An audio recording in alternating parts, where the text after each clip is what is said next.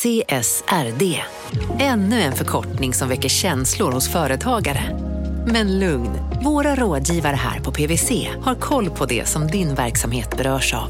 Från hållbarhetslösningar och nya regelverk till affärsutveckling och ansvarsfulla AI-strategier. Välkommen till PWC. Här ser ni bebisens lilla huvud. Åh, vad... Men vad, vadå, menar du att huvudet är litet? Nej, det är väl som ett 18 volts batteripack från Bosch. Vet du lite för mycket om byggprodukter? Vi är med. -bygg. Bygghandeln med stort K. Välkommen till Momang, ett nytt smidigare casino från Svenska Spel, Sport och Casino där du enkelt kan spela hur lite du vill. Idag har vi en stjärna från spelet Starburst här som ska berätta hur smidigt det är. Jaha, så smidigt alltså. Momang, för dig över 18 år. Stödlinjen.se.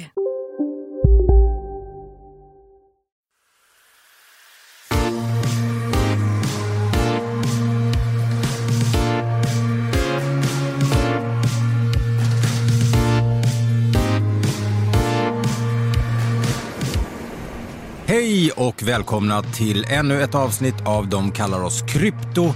Din ultimata guide i podcastvärlden till den eh, svårnavigerade kryptovärlden.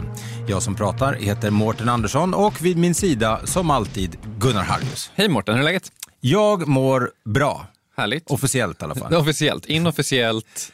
Alltså det är värmeplåga och, eh, och eh, obefintlig sömn. Ja, men det börjar tro, tro, folk tröttna på att höra. Det är så mitt liv ser ut. Jag är inte unik med att ha två små barn. Nej, så, att, så att, hur är läget? Som vanligt, Som vanligt. i svaret. Ja. jämna plågor. Jämna plågor, jag fattar. Eh, hur mår du själv? Eh, jag mår bra. Jag, I veckan köpte jag en bil faktiskt. What? Ja.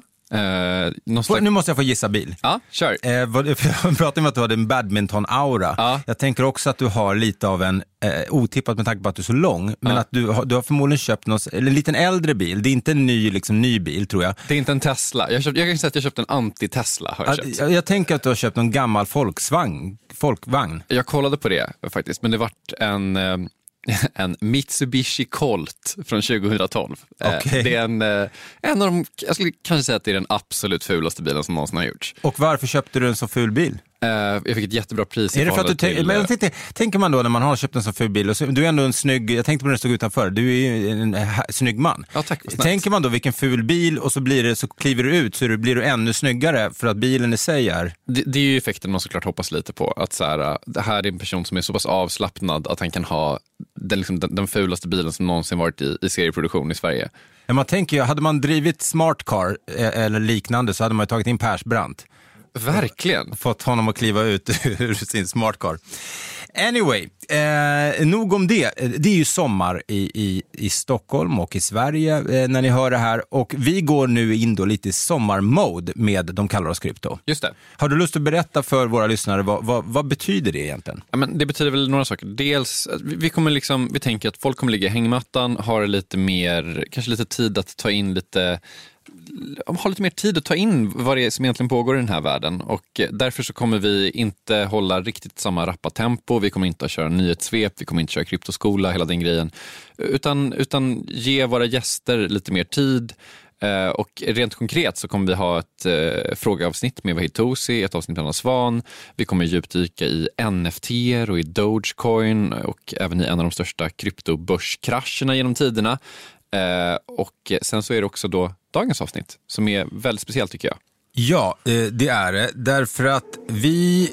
n- När jag kom till er på Kapitalet eh, och berättade om den här idén att jag vill göra en kryptopodd så rätt snabbt så såklart frågade ni men vad är det du tänker och hur du ser det och sådär. Och så började vi resonera fram och slog våra någorlunda kloka huvuden ihop och, och, och det blev då den podden ni sitter och lyssnar på idag. Och ett av de allra första namnen som jag nämnde, eller det första namnet, Ja. och som du också sa, Ja. var, var ju den killen som idag gästar oss. Vi hade liksom varsin lista med så här, det här är potentiella gäster och högst upp på bådas lista så var det här namnet. Ja. Så jag, jag är otroligt glad att det här avsnittet blir av nu.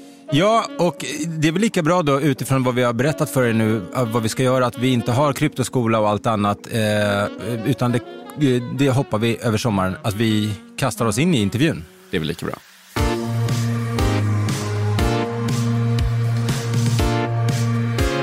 Han Han är kryptoexpert i ordets rätta bemärkelse. Han har en masterexamen i blockchain-teknik. Han är Chief Investment Officer på superhypade kryptobolaget Arcane Assets och hans namn nämns med stor respekt både här i Sverige och internationellt. Och dessutom, som om inte det här vore nog, så är han BFF med Paris Hilton. Varmt välkommen hit, Erik Wall! Oj, vilket välkomnande. Tack så mycket. Tack ska ni ha. Äntligen! Ja, roligt att vara här. Eh, trevligt att träffa dig igen, Gunnar. Ja, ni har setts förut. Ja, vi, eh, På en vind. på en vind, eh, det, det vindsmötet kommer faktiskt dyka upp här i, i, i den här feeden under sommaren. Ett lite hemma hos eh, Erik Wall. Exakt. Spännande. Du, jag tycker eh, det är en slentrianfråga eh, såklart, som man brukar ställa. Hur mår du? Men, eh, men om man ska säga på en skala 1 till 10, så här, vad befinner du dig i livet? Hur mår du? Jag skulle säga att det är väl en stark sjua ändå. Det är, ehm, jag är 29 år gammal. Jag fyller 30 snart. Och eh, jag upptäckte bitcoin när jag var 20. Så jag har spenderat alltså hela eh, 20-årsåldern eh, på krypto och på bitcoin. Och det här senaste året har väl varit det allra bästa kryptoåret någonsin. Så det har ju förändrat alla mina livsförutsättningar och eh, ja, men vad jag vill göra och vem jag vill vara. Och eh, nu är det en toppen svensk sommar. Ja, jag ska fira min 30-årsfest här någonstans i Stockholm. Eh, Nu i sommar? Ja, nu i sommar. Ja, grattis i förskott. 12 juli. Ja, nej, men det är sällan det har varit så här bra. Vad kul att höra och det är extra intressant med, med tanke på att det typ, vi eh, har sett en av de största krascherna sedan 2013. Och det här ska vi såklart fördjupa oss i, hur man kan vara glad och se det som det bästa kryptoåret när många eh, av oss mer okunniga förmodligen ser det som ett, ett av de tuffaste åren. Ehm, men eh, hur, hur kommer 30-årsfesten vara? Eh, jag tänkte hyra en bastubåt som man kan åka runt med eh, utanför eh, Norra strand. Så kan man hyra en bastubåt och ha 12 personer på det och så kan man ha eh, DJ och ehm, eh, servering, liksom restaurang och eh, ja, all möjlig typ av underhållning. Eh, och så glider man runt och bastar och badar. Du, låt oss ställa en oseriös fråga då, eh, innan vi går på djupet och, och blir eh, snäppet allvarligare. V, v, vad är det jag egentligen hintar här med Paris Hilton? Vi som följer dig på Twitter vet ju, men vad är Erik Wall hjärta Paris Hilton? Ja, alltså jag sprang ju på, jag åkte ju till den här eh, bitcoin-konferensen som har varit länge efter eh, suktad nu i och med att det har ju varit corona och eh, alla de här eh, kryptomänniskorna som inte har fått träffa varandra nu på liksom, ja, vad var det, ett och ett halvt år som vi inte har träffat varandra på sen coronaviruset eh, bröt ut. Eh, alla de personerna hade blivit eh, nästan tio gånger rikare än sist de sågs. Och eh, så skulle alla åka och träffas tillsammans i Miami. Superbra väder. Och eh, ja, så, så humöret var ju liksom verkligen på eh, topp. Att eh, få åka dit, träffa alla sina vänner. Och det var ju liksom, vi åkte ju jaktkryssningar tillsammans. Och, eh, sen efter den jaktkryssningen så kom vi vidare till någon annan eh, kryptofest. Eh, och det var där som då eh, Paris Hilton var gäst. Hon hade på sig solglajor solglajjor med bitcoin-logga på. Ehm, Var hon skön? Ja, Paris, alltså hon var supertrevlig faktiskt. Och Liksom, eh, Hur deep krypto är hon liksom? eh, alltså hon har faktiskt varit ganska länge i krypto. Eh, så man, oftast så, så tycker folk att oh, Paris Hilton är här, det betyder att det här är toppen och nu ska man sälja alla sina coins. Men Paris Hilton har varit med länge, intresserat sig för krypto och är lite grann av en entreprenör och innovatör och förstår liksom grejen med det. Så hon är lite grann the real deal. Fan, det är en drömgäst i den här podden.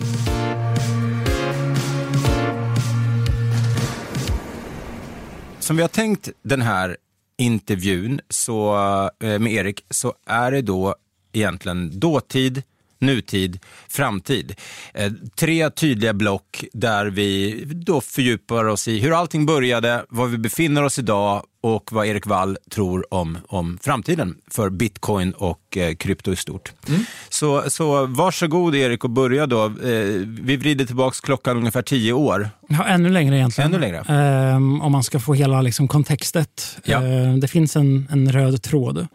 Eh, och det började med att jag gick i fyran eh, och så hade vi en lärare som hette Emma. Men hon i alla fall försökte lära oss då elever eh, engelska. och det, hon, på det sättet som hon lärde oss engelska på var genom att spela upp Beatles-låtar för oss och eh, lära oss texten till de, till de låtarna. Och eh, Då var det en låt som hette eh, Lucy in the sky with diamonds. Och eh, Emma berättade då om att den här låten hade varit förbjuden i av Sverige och andra länder för att eh, man tänkte att med initialerna på den låten, Lucy in the sky with diamonds, blir LSD. Eh, Medan John Lennon menade på att nej, men det, det, hade inte alls med LSD att göra utan det var hans son Julian som hade eh, ritat hans dröm. Och i hans dröm så hade Lucy varit in the sky with diamonds. Eh, så jag har alltid, ända sedan den dagen, eh, undrat liksom väldigt mycket, men var, vart kan man få tag på det här. Eh, så, så jag, eh, ja, men, eh, i, liksom, i mellanstadiet, högstadiet, eh, eh även på gymnasiet, så eh, om jag träffade liksom någon liten halvskum typ, så frågade jag liksom, du vet inte vart man kan uh, hitta lite Lucy in the sky with diamonds. Um, och uh, fick liksom nej, nej överallt. Det fanns ingen, jag bodde i Linköping, det var en uh, liten, uh, alltså, det fanns inte så mycket spännande. Inte en helt LSD-kompatibel stad? Nej, så att jag, fick aldrig, jag fick aldrig komma i kontakt med den här LSD som, som jag hade hört om då. som skulle vara så spännande. fram tills jag var eh, civilingenjörsstudent i, inom datavetenskap på Lunds tekniska högskola. Då, eh, första året där, 2011, då så skickar en eh, klasskamrat till mig, var, han hade faktiskt flyttat med mig från Linköping ner dit. Eh, jag tror att det var en artikel i antingen är det Gartner eller Wired. Eh, och på den länken som han skickade till mig så stod det This underground website lets you buy any drug imaginable. Och då tänker jag, Lucy in the Sky with Diamonds. Nu, är det, ja, nu är det här. Um, men det här, det här var, blev liksom ännu mer intressant än så. för att uh, under den här um, uh, liksom utbildningen som jag gick, då, jag tidigt i uh, datavetenskapsprogrammet då på LTH, Eh, så läste vi också om till exempel om Tor-nätverket, ett, liksom ett anonymiseringsprotokoll för att komma åt Darknet och vara anonym på internet. Eh, så vi studerade det grundligt och den här hemsidan då, den fanns ju då på Darknet eh, som de refererade till, som hette då Silk Road. Um, ja, så eh, jag blev ju superintresserad och ehm, eh, loggade in på Darknet och började titta runt på den här sidan. Och för att kunna handla på den sidan så var man ju tvungen att använda bitcoin. bitcoin. Mm. Och där var första kontakten. Um, sen så tog det ett år. Uh, jag, jag kommer ihåg att jag bokmärkade det för att det, det var uh, ja, men för att kunna köpa bitcoins då var man tvungen att först skicka sina pengar från ett svenskt bankkonto till ett bankkonto i Japan. Och Då så kunde man få liksom en kontobalans på en hemsida i Japan. Eh, och så kunde man då omväxla det till bitcoin och sen så skulle man då skicka det till den här eh, Silk Road hemsidan. Men alltså bara för att du, du var seriös med att du ville köpa LSD från Silk Road. Vi kan väl bara säga att Silk Road är, eh, eller var, eh, den är ju nedlagd eh, sedan många år, men en helt enorm handelsplats där du kunde köpa vad som helst. Från typ mord till knark till ja, allt. Ja, um, jag vet dock inte ifall... Eh, jag vet inte hur mycket, alltså det var mer liksom en, en, lång jakt för mig. Sen så tog det faktiskt ett, ett, år från att jag fick den här artikeln skickad till mig till att jag började um, ja, försöka köpa mina första bitcoin. Så att jag la det som ett bokmärke. Um, men kan man säga att drogjakten blev en inkörsport till bitcoin? Eh, ja, jag skulle nog säga om, jag skulle gå så här till, till skolklasser och berätta om Eh, don't try drugs kids, you might end up becoming a uh, crypto millionaire. skulle man kunna säga. Uh, men det var så, så min, ja, ja det, det, av någon anledning då så blev det så att jag upptäckte bitcoin på det sättet. Och jag kommer ihåg då att jag tittade 2011 på priset av en bitcoin. Eh, kunde jag titta på den här hemsidan. Men det var liksom många steg. Jag var tvungen att identifiera mig, jag var tvungen att skicka in eh, en, ett inskannat pass och sådana här saker som gjorde att det tog ganska lång tid. Eh, så när jag ett år senare då skulle göra mitt första bitcoinköp, eh, då hade priset gått upp från 20 kronor till 40 kronor. Och då tänkte jag, fan, Eh, nu har jag missat eh, tåget där. Eh, jäklar vilken otur om jag bara hade köpt eh, bitcoin då. 2011 så hade jag haft dubbelt så mycket pengar nu. Så jag är väldigt sur över det. Eh, men så började jag tänka då så här att, eh, men vad fan, det här, eh, alltså jag har ju varit intresserad av aktiemarknader och börs. Och min, min, pappa till exempel, han ville alltid att jag skulle bli bankman och när jag var eh, sex år så lärde han mig. Jag spenderade inte mina eh, veckopengar som jag skulle ha till lördagsgodis utan jag eh, la dem eh, i ett så här, pengarör. Och sen så lärde min pappa då som var nationalekonom, eh, nationalekonom eh, han lärde mig att göra diagram som visade liksom värdeutvecklingen av min eh, lördagsgodissparande. Eh, och, och, han, han, han ville att jag skulle bli... Alltså jag, jag bara sitter eh, och njuter. Hoppas ni ligger i hängmattan och bara tar in det här. Varsågod, fortsätt. Ja, nej, så han ville ju jättegärna att jag skulle bli bankman och sen så blev han sjukt bedrövad eh, när jag berättade för honom att jag hade kommit in på ett datavetenskapligt civilingenjörsprogram och inte alls skulle bli bankman då. Men, men det här bitcoin då, att det här var ju det som var så intressant med det var ju att det var någonting som tradade, men det fanns inte, vad jag, så, vad jag visste i alla fall, liksom någon form av liksom historik eller eh, det var liksom ett helt nytt tillgångslag. Det var ett vitt papper. Eh, vem är det som är bäst på att trada bitcoin? Eh, vilka lärdomar är det den personen har? Jag tänkte att amen, jag är först, jag kan, en av de första liksom, in på den här arenan. Och om jag vill lära mig någonting om finans, någonting om trading, eh, om jag ska gå in i aktiemarknaden där alla vet hur man gör discounted cashflow-analysmodeller och liksom mycket duktigare än mig på det, då så kommer det ta lång tid för mig att liksom kunna komma ikapp dem.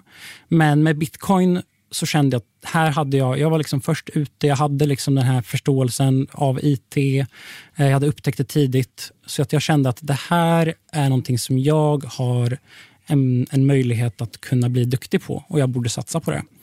Um, så jag minns att jag skrev till en vän som jag hade som läste polkand. Någon sån blandning mellan statsvetenskap och nationalekonomi. Um, och han var liksom den vännen som jag hade som var ändå lite grann ekonomiskt kunnig och ganska smart. Och så, så liksom visade jag då bitcoin för honom och frågade vad, vad, vad, vad tänkte han om att göra. Liksom en, är, är det värt här att kanske göra liksom en investering i det här? Och eh, Han läste igenom allt det som jag hade skickat och eh, vad, jag minns, vad jag minns då i alla fall var att han varnade ganska mycket för att det är väldigt hög risk, sa han. Eh, så det slutade med att jag inte köpte då, alltså 2012, så köpte jag inte på mig en massa bitcoin. Och sen så hatade jag honom i många, många år efter det och tänkte att fan, den här jävla Axel, det är han som eh, liksom talade mig ur den här, den här, den här eh, fantastiska eh, investeringsmöjligheten. Mm. Sen så har jag faktiskt gått tillbaks många år senare och läst de där chattloggarna och eh, det var tydligen inte så att han, alltså han hade skrivit väldigt liksom, sunt och förnuftigt och sagt att det kan, det kan nog vara en bra idé, men man får ju såklart tänka på riskerna. Liksom, så att han hade skrivit helt vettigt egentligen. Det var bara att jag i mitt huvud hade liksom kommit ihåg det som att ja, men det var han som, som fuckade upp det för mig så att jag inte eh, lyckades bli kryptorik. Eh, för att jag hade inte några, några liksom stora belopp eh, investerat i bitcoin. Ehm, jag började att eh, liksom överväga att göra en stor investering i bitcoin först i 2000, 2014. Eh, Och vad, vad, ehm, stod kursen i då? Ja, vad kan, alltså det, här, det här var precis efter att Mount Gox hade äh, fått problem. Eh, så då hade precis, priset hade gått upp till 1000 dollar och sen så hade det rasat en hel del. Eh, så jag tror att jag köpte, då hade jag tagit eh, besparingar från ett, ett, ett sparkonto som, som egentligen mina föräldrar hade lagt undan till mig för att kunna köpa en bostad en vacker dag. Och jag kunde inte förklara för min mamma att det här med bitcoin är kanske framtiden. Hon kommer tro att jag är dum i huvudet ifall jag ska säga att jag ska ta liksom bostadspengarna och, satsa på det här. Um, men jag gjorde det i alla fall. Jag var ju över 18, jag hade ju rätt att gå till det bankkontot och ta de pengarna. Så jag tog eh, ett antal. Jag vill kanske inte säga exakta belopp, hur mycket pengar det var. Eh, men men en, ändå liksom för mig en stor summa pengar på den tiden. Och ehm, eh, investerade i bitcoin på cirka 600 dollar eller något sånt. Just det. Och bara um, när du sa det här Mount Gox började få problem. Mount Gox var en, en, en, en av de första och största kryptobörserna där du kunde växla fiatpengar mot, mot eh, bitcoin. Eh, och eh, den gick under på ett spektakulärt sätt. Eh, Visst är det väl den som kommer dyka upp här som en sommarspecial också? Exakt, Ja. just det. Så se fram emot det.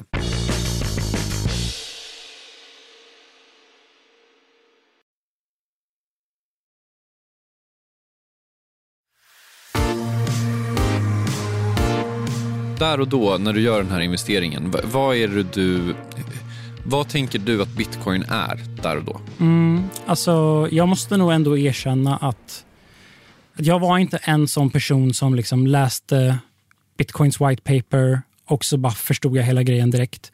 Utan det tog lång tid för mig egentligen innan jag verkligen förstod vad bitcoin var och vad, deras, vad, vad dess Eh, makroekonomiska roll var och eh, faktiskt också även hur teknologin fungerade. Eh, så 2013, 2014, det jag hade det jag gjorde mest då var att jag satt och läste på ett forum som, var, som hette det finns ju på, på Reddit så finns det en massa olika subreddits och bitcoin var ett sånt välkänt subreddit där många skrev trådar om bitcoin. Och det var ju liksom ganska mycket idealistiska eh, människor där som skrev väldigt optimistiskt. Och jag skulle inte säga att jag liksom förstod allting, men jag kunde ändå känna av alla de här andra människornas entusiasm eh, för det här. Och sen så gick ju priset upp. Eh, eh alltså då under 2013 så gick priset upp väldigt mycket. Eh, det gick upp från, ja, vad kan det ha legat på? Kanske 50 dollar och så gick det upp till 1000 dollar vid slutet av eh, 2013. Um, eh, och då, hade jag inte, då, hade, då ägde inte jag några, någon eh, viktig summa bitcoin överhuvudtaget. Jag väntade på den här första kraschen, att den skulle ske och då så skulle jag köpa in mig i, i bitcoin. Alltså, jag, jag, det är svårt för mig att definiera vad jag, liksom, vad jag tänkte att bitcoin var, men det var ju, alltså jag förstod ju att det var ju en, liksom en digital valuta som inte var kopplad till någon bank och att det hade kunnat användas som ett alternativt monetärt system. Men på den tiden så pratade vi väldigt mycket om det som eh, eh, internet money. Det här är the money of the internet. Och det kändes väl logiskt. Liksom, att, ja, vi har ju svenska kronor och vi har ju dollar. Eh, men liksom betalningslösningar på den tiden, det var liksom, man betalade med liksom ett kreditkort eh, på någon hemsida. Men att ha någonting som var liksom helt skapt för internet. Man kan skicka det till vem som helst som har en dator. Det krävs inte något landsknutet bankkonto utan det är lika för alla internetanvändare. Den aspekten förstod jag ju ändå då, men det var ungefär så mycket som jag förstod. Men okej, du, du säger att du, liksom, du sitter inte och, och, och läser bitcoins white paper utan du är mer inne på Reddit och, och liksom tar del av den här entusiasmen och sådär. Men får du någon slags uppfattning av vad bitcoin kommer ifrån och liksom vad, vad, vad det egentligen är för projekt som, som du nu börjar intressera dig för? Mm, alltså Bitcoin, eh, Bitcoins white paper, Bitcoins vitbok som skrevs oktober 2008. Den var redan då, eh, 2012-2013, eh, starkt rekommenderad som nästan, alltså den hade nästan blivit eh, liksom religiös förklarad redan då, det här dokumentet. Och eh, alla eh, människor på det här forumet skrev liksom att det här är ett av de bäst skrivna white papers. Det är nio sidor långt eh, och det förklarar systemet eh, på ett så elegant och bra sätt så att man behöver bara läsa whitepaperet för att kunna förstå liksom, bitcoinsystemet. Ehm, och jag läste det whitepaperet och ehm, alltså när jag läste det då första gången så tyckte jag ändå att ja, men, det var inte som att eh, jag blev liksom frälst så som vissa andra personer beskrev att de blev. Eh, och jag tror att det var på grund av att Ja, men när jag sen, ehm, jag kanske, jag, jag får hoppa lite grann här i, i, i historien för det som hände eh, efter att jag ehm, stoppade in alla de här pengarna på Mt. Gox. Eh, och Mt. Gox, den här börsen då, eh, japanska börsen, gick i konkurs och jag förlorade alla de pengarna som jag hade stoppat in. Då så fick jag någon sån här, alltså jag hade, jag hade liksom fantasier om hur alla de här pengarna, om man trycker ut dem i hundralappar och sprider ut dem över min säng, hur, hur många hundralappar det är. Och så ser jag framför mig hur jag liksom plockar upp alla de här och går med dem till toaletten och spolar ner allting i toaletten. Och den liksom så här visionen eller blicken, eh, jag hade aldrig förlorat så mycket pengar eh, tidigare på någonting. Den, alltså det var ett hårt slag för mig, för jag hade alltid sett mig själv liksom som att men jag är en intelligent person och det kommer gå bra för mig liksom, i livet. Men det här var ett liksom, väldigt stort motslag. Och då blev det som att det blev liksom en principgrej för mig att jag sa till mig själv att Erik, du, du ska, nu så ska du lära dig allting om bitcoin. Du ska bli superduktig på att trada bitcoins. Och eh, du, du ska tjäna tillbaka alla de här pengarna och ännu mer. Du ska tjäna så pass mycket pengar på det här så att du ska kunna eh, skratta tillbaks eh, på det här ögonblicket som en rolig eh, initial liksom, lär, eh, eh, liksom, ja, learning experience. En dag ska jag sitta i en kryptopodd på Södermalm i Stockholm och berätta och kunna skratta åt det här. Ja, um, men, men, men då i alla fall så, så, um, så, så, blev det viktigt för mig då att börja använda... Men jag, jag läste ju ändå datavetenskap på eh, LTH, så att jag hade egentligen världens bästa förutsättningar att faktiskt börja förstå bitcoin på riktigt. Och ehm, eh, Bitcoinsystemet, det som står i white paperet, det är ju en eh, det är ju, Bitcoinsystemet är uppbyggt av en mängd olika välkända, egentligen, det som kallas för kryptografiska primitiv. Alltså ehm, eh, speciella olika kryptografiska eh, features alltså, alltså, som, som, som man har satt samman då till hela det här bitcoinsystemet. Men alla de komponenterna är ganska gamla. Till exempel digitala signaturer är supergammalt. Hash-algoritmer, det är supergammalt. Konsensusnätverk, det har vi haft ända sedan 70-80-talet. Eh, Merkle-träd till exempel, som är eh, en av de eh, en, en, en viktig datastruktur som finns i, i bitcoinsystemet och som också beskrivs i, i whitepaperet. Eh, vi hade kurser alltså på LTH där jag kunde gå och läsa eh, jag kunde läsa om digitala signaturer, jag kunde läsa om hash-algoritmer, jag kunde läsa om Merkle-träd och så kunde jag börja bygga då en riktig eh, eh förståelse för bitcoin. Ehm, så och det hade ju med den här, liksom, den här stora förlusten som jag hade gjort eh, som låg till grund. Men jag ska, bli, jag ska få någon liksom, revansch och bevisa för mig själv att jag inte är dum i huvudet genom att bli väldigt påläst och duktig på just det här ämnet.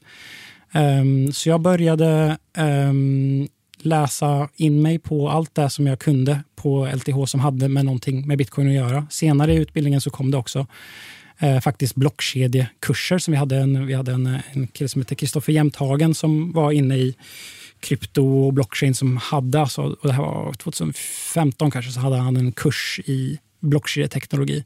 Så att jag fick ändå liksom utbilda mig inom det här.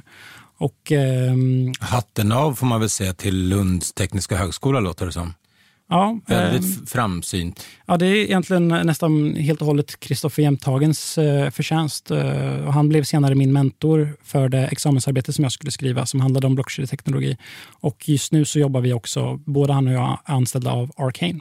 Det som, eh, jag, hade, jag, jag, hade en liten dark ages i, eh, i krypto skulle jag nog ändå säga. Att, alltså, även efter Mt. Gox då, Eh, den här stora förlusten och jag skulle, jag skulle, då skulle jag ju bli bäst på trading, hade jag bestämt mig för.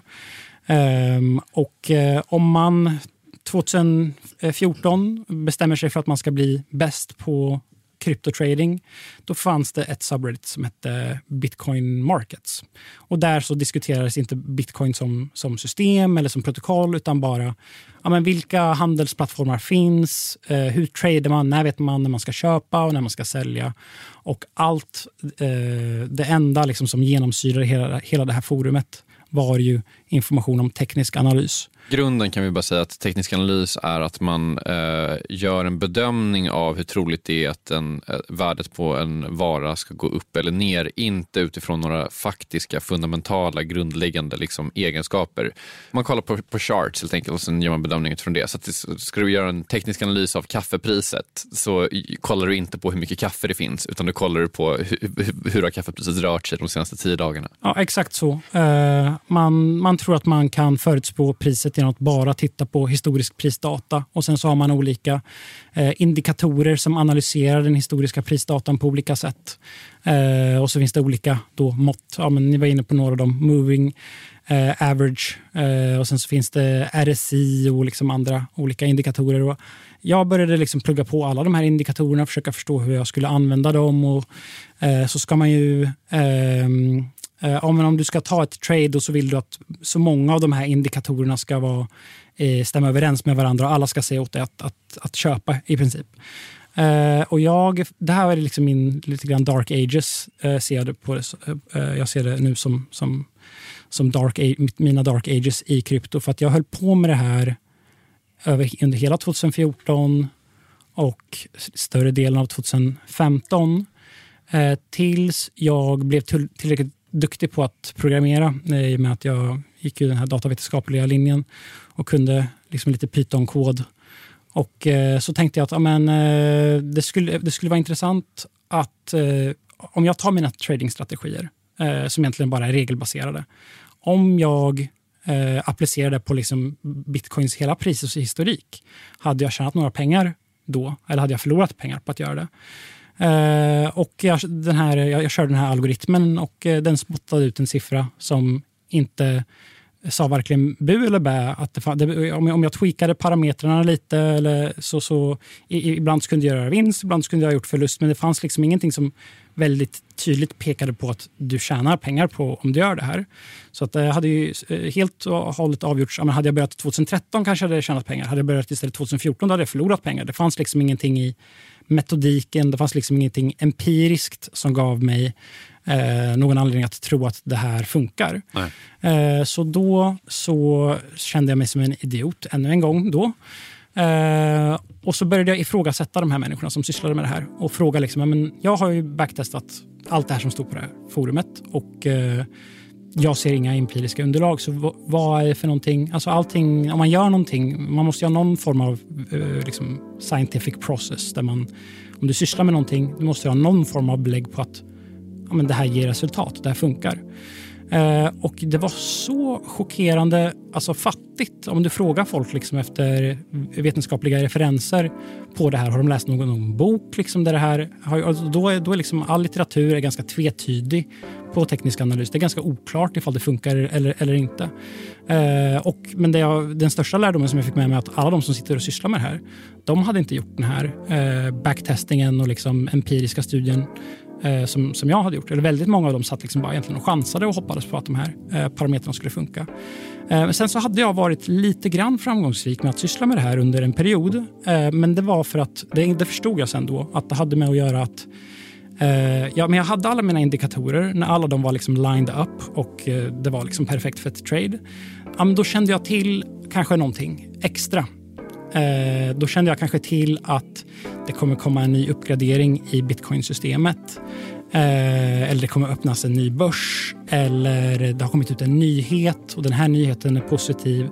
Och så eh, vägde jag in den saken eh, som en ytterligare, ytterligare, eh, ytterligare komponent i mitt tradingbeslut. Och sen så, så fattar jag då att om jag, bara, om jag bara tar bort all den tekniska analysen och istället tittar på verkliga eh, händelser som händer eh, omkring i bitcoinindustrin och bara tradar utifrån dem. Då, det var där och då var vi, då var vi framme i 2015, 2016 som jag, som jag först eh, Eh, fattar att, eh, att, att det finns ett sätt att, att göra det här på som inte är helt idiotiskt.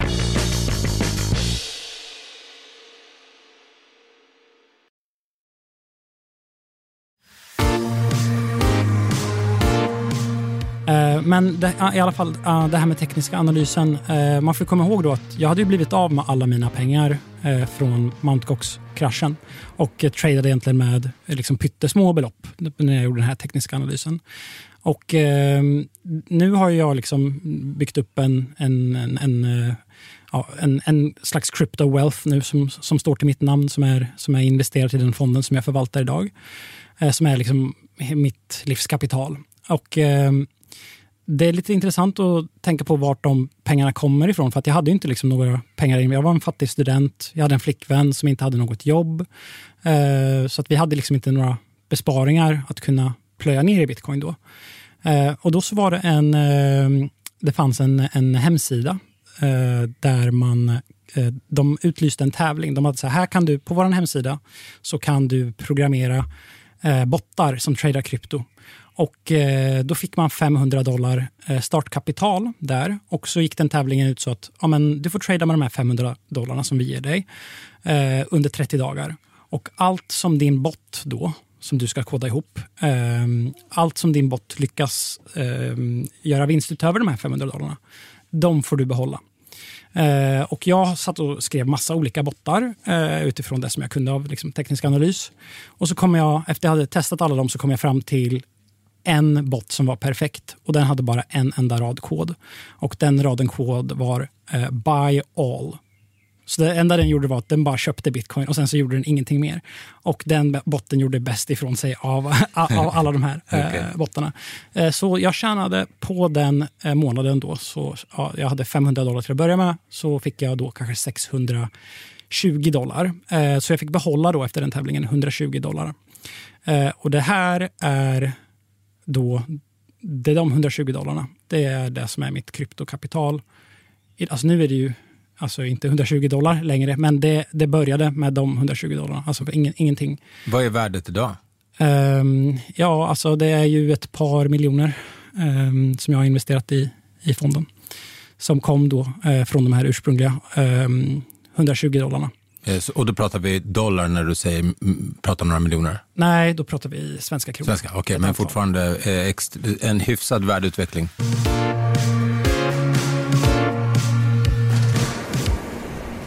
Men okej, okay, du har ju under de här åren också liksom, blivit lite av ett namn i den här svängen eh, och um, inte så lite om vi ska vara helt ärliga.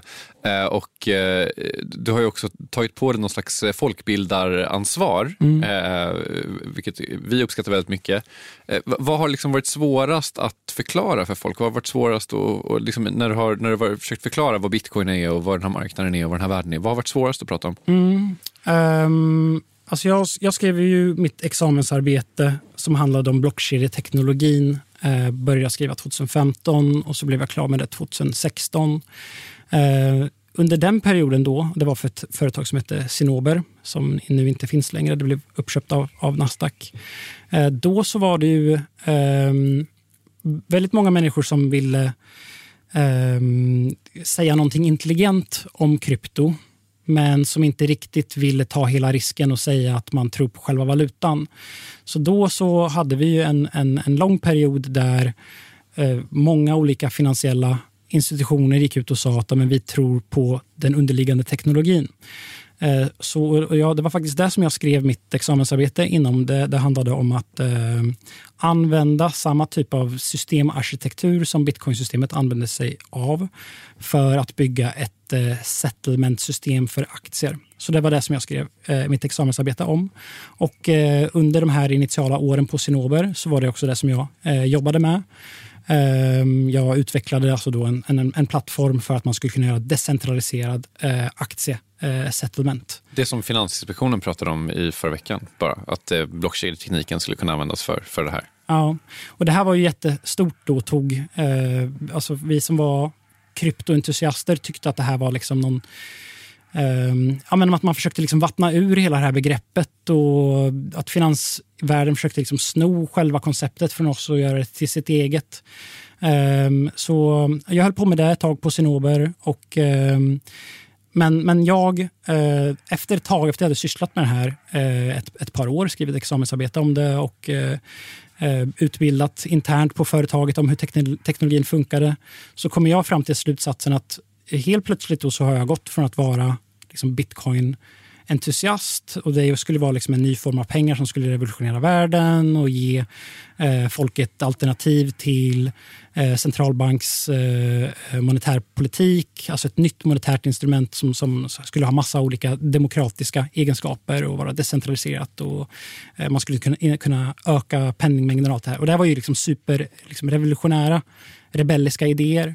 Men sen helt plötsligt då så satt jag och höll på att koda egentligen det som var databassynkroniseringssystem för ett it-företag.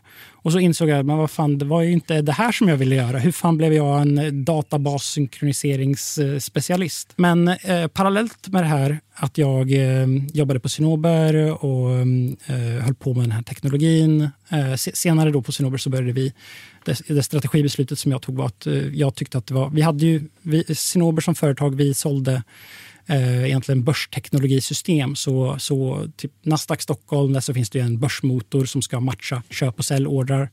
Eh, och det här var Cinnober eh, en av de världsledande aktörerna eh, med att leverera den sortens teknologi. Eh, så vi hade världens snabbaste matchningsmotor på Cinnober.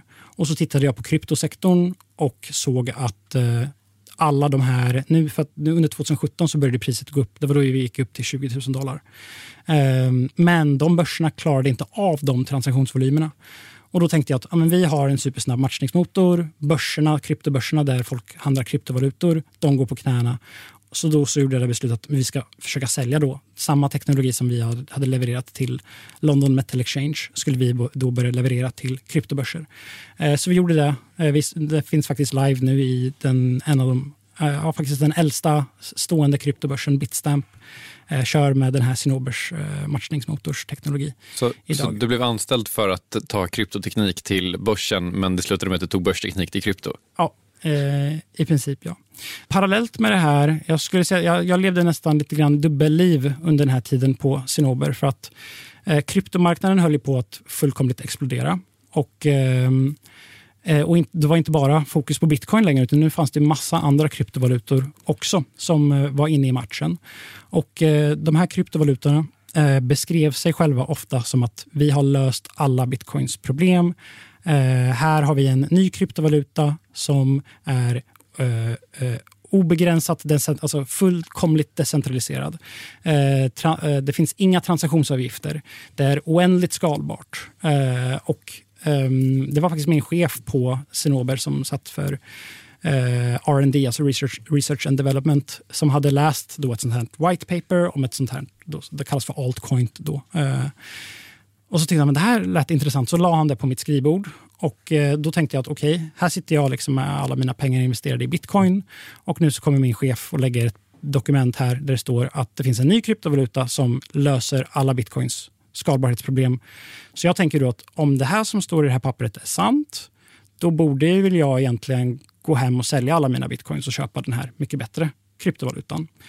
Eh, så det var liksom väldigt viktigt för mig då att förstå den där teknologin eh, i den här nya eh, kryptovalutan. Det var IOTA hette den kryptovalutan. Så jag började läsa in mig på systemet och försöka förstå hur fungerar det här systemet. Och så kom jag fram till att hjälp, med hjälp av en annan väldigt smart kille som heter Oskar, Oskar Jansson, som fortfarande än idag jobbar på Nasdaq, som, som vi tillsammans då kom fram till att men det här det här, det här systemet funkar inte. Det, det, det, finns inte en chans i världen att det här systemet kan vara säkert.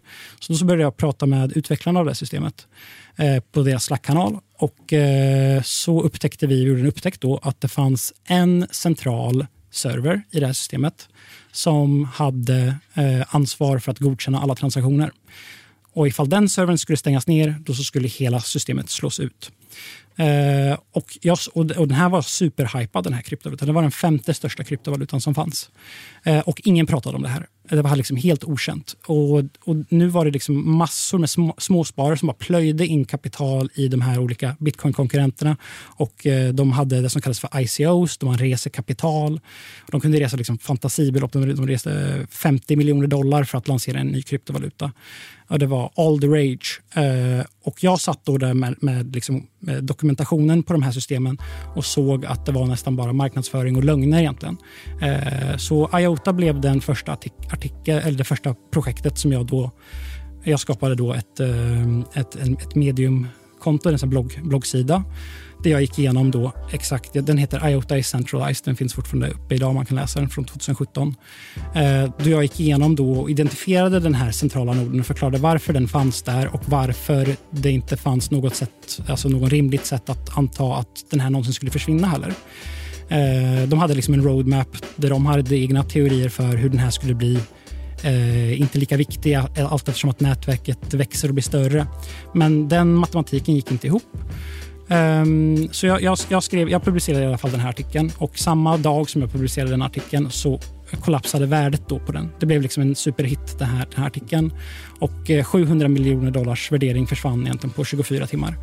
Eh, vilket gjorde då att de utvecklarna av det här systemet blev svinarga. Så de eh, kom in i kommentarsfältet på min artikel och började kalla mig alla möjliga taskiga saker. Och, eh, men sen så gick det två veckor och så fick de ett tekniskt fel med sin centrala nod och så stängdes hela systemet ner. Och då så blev det att, eh, att eh, det var då som mitt liksom, genombrott lite grann eh, hände då i den internationella eh, sfären att ja, men här fanns det en kille som hade pekat ut just den här risken med det här väldigt hypade kryptomyntet och han hade haft rätt. Eh, så eh, jag fortsatte egentligen att göra det här med många olika kryptomynt. Eh, identifierade liksom deras svagheter. För att det finns väldigt många extremt kompetenta människor i bitcoin, alltså utvecklare som kan ge supermycket om kryptovalutor. Men de har blivit, blivit liksom luttrade eh, med tiden och orkar inte titta på alla nya kryptovalutor som kommer ut. Eh, men jag hade liksom den tekniska eh, kunskapen att kunna göra det och jag var ändå intresserad av de här andra och tänkte att jag kunde fylla en nisch av att faktiskt, ja, men jag kommer in som bitcoiner och börjar granska andra kryptovalutor. Um, så det var väldigt framgångsrikt. Jag blev väldigt populär inom den internationella liksom bitcoin-världen. Som, och de gav mig ett uh, smeknamn och de kallade mig för The Altcoin Slayer. The Altcoin Slayer eh, då runt 2017. Mm. Eh, eh, och Det är också samma år som eh, den riktigt stora pumpen händer upp till 20 000 dollar. Mm. Vad händer omkring där? Alltså det hände jättemycket. Eh, alltså man bara såg det som, vi har ju så här strategimöten på Sinober eh, varje år och jag var med i den, den här strategitruppen. Och när jag pratade om kryptovalutor och bitcoin under 2016, då så var det inte alls någonting som var på tapeten då. Men 2017, efter den där massiva uppgången, då så var det inte längre Alltså bitcoin gick inte att ignorera, ignorera eh, då längre. Och eh, det var Alltså jag blev eh, flugen första klass till eh, Brasilien för att presentera för den brasilianska börs om hur bitcoin var. Och eh, ja, Chicago Mercantile Exchange, som är den största derivatbörsen i världen, listade bitcoin derivatinstrument. Och det fanns massor olika banker och lagringsinstitut och kryptobörser som ehm, Alltså bitcoin blev liksom på något sätt på riktigt då. Det var inte längre på skämt längre.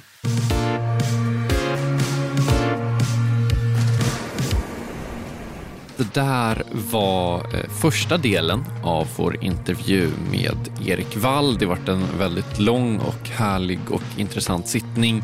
Eh, så vi, kommer faktiskt dela upp det i eh, två. Så nästa vecka kommer den andra och då eh, sista delen med Erik Wall, alltså som du sa Morten, en, en kryptoexpert i ordets eh, rätta bemärkelse.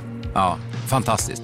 Hoppas ni har haft lika roligt eh, och intressant eh, som vi har haft det idag. Och eh, om ni tycker om podden, dela den gärna, tipsa gärna om den, recensera den.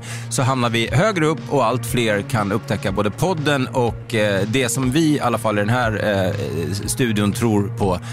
Att krypto förmodligen kan vara framtiden. Just det. Stort tack för att ni lyssnar. Hej då! Hej då!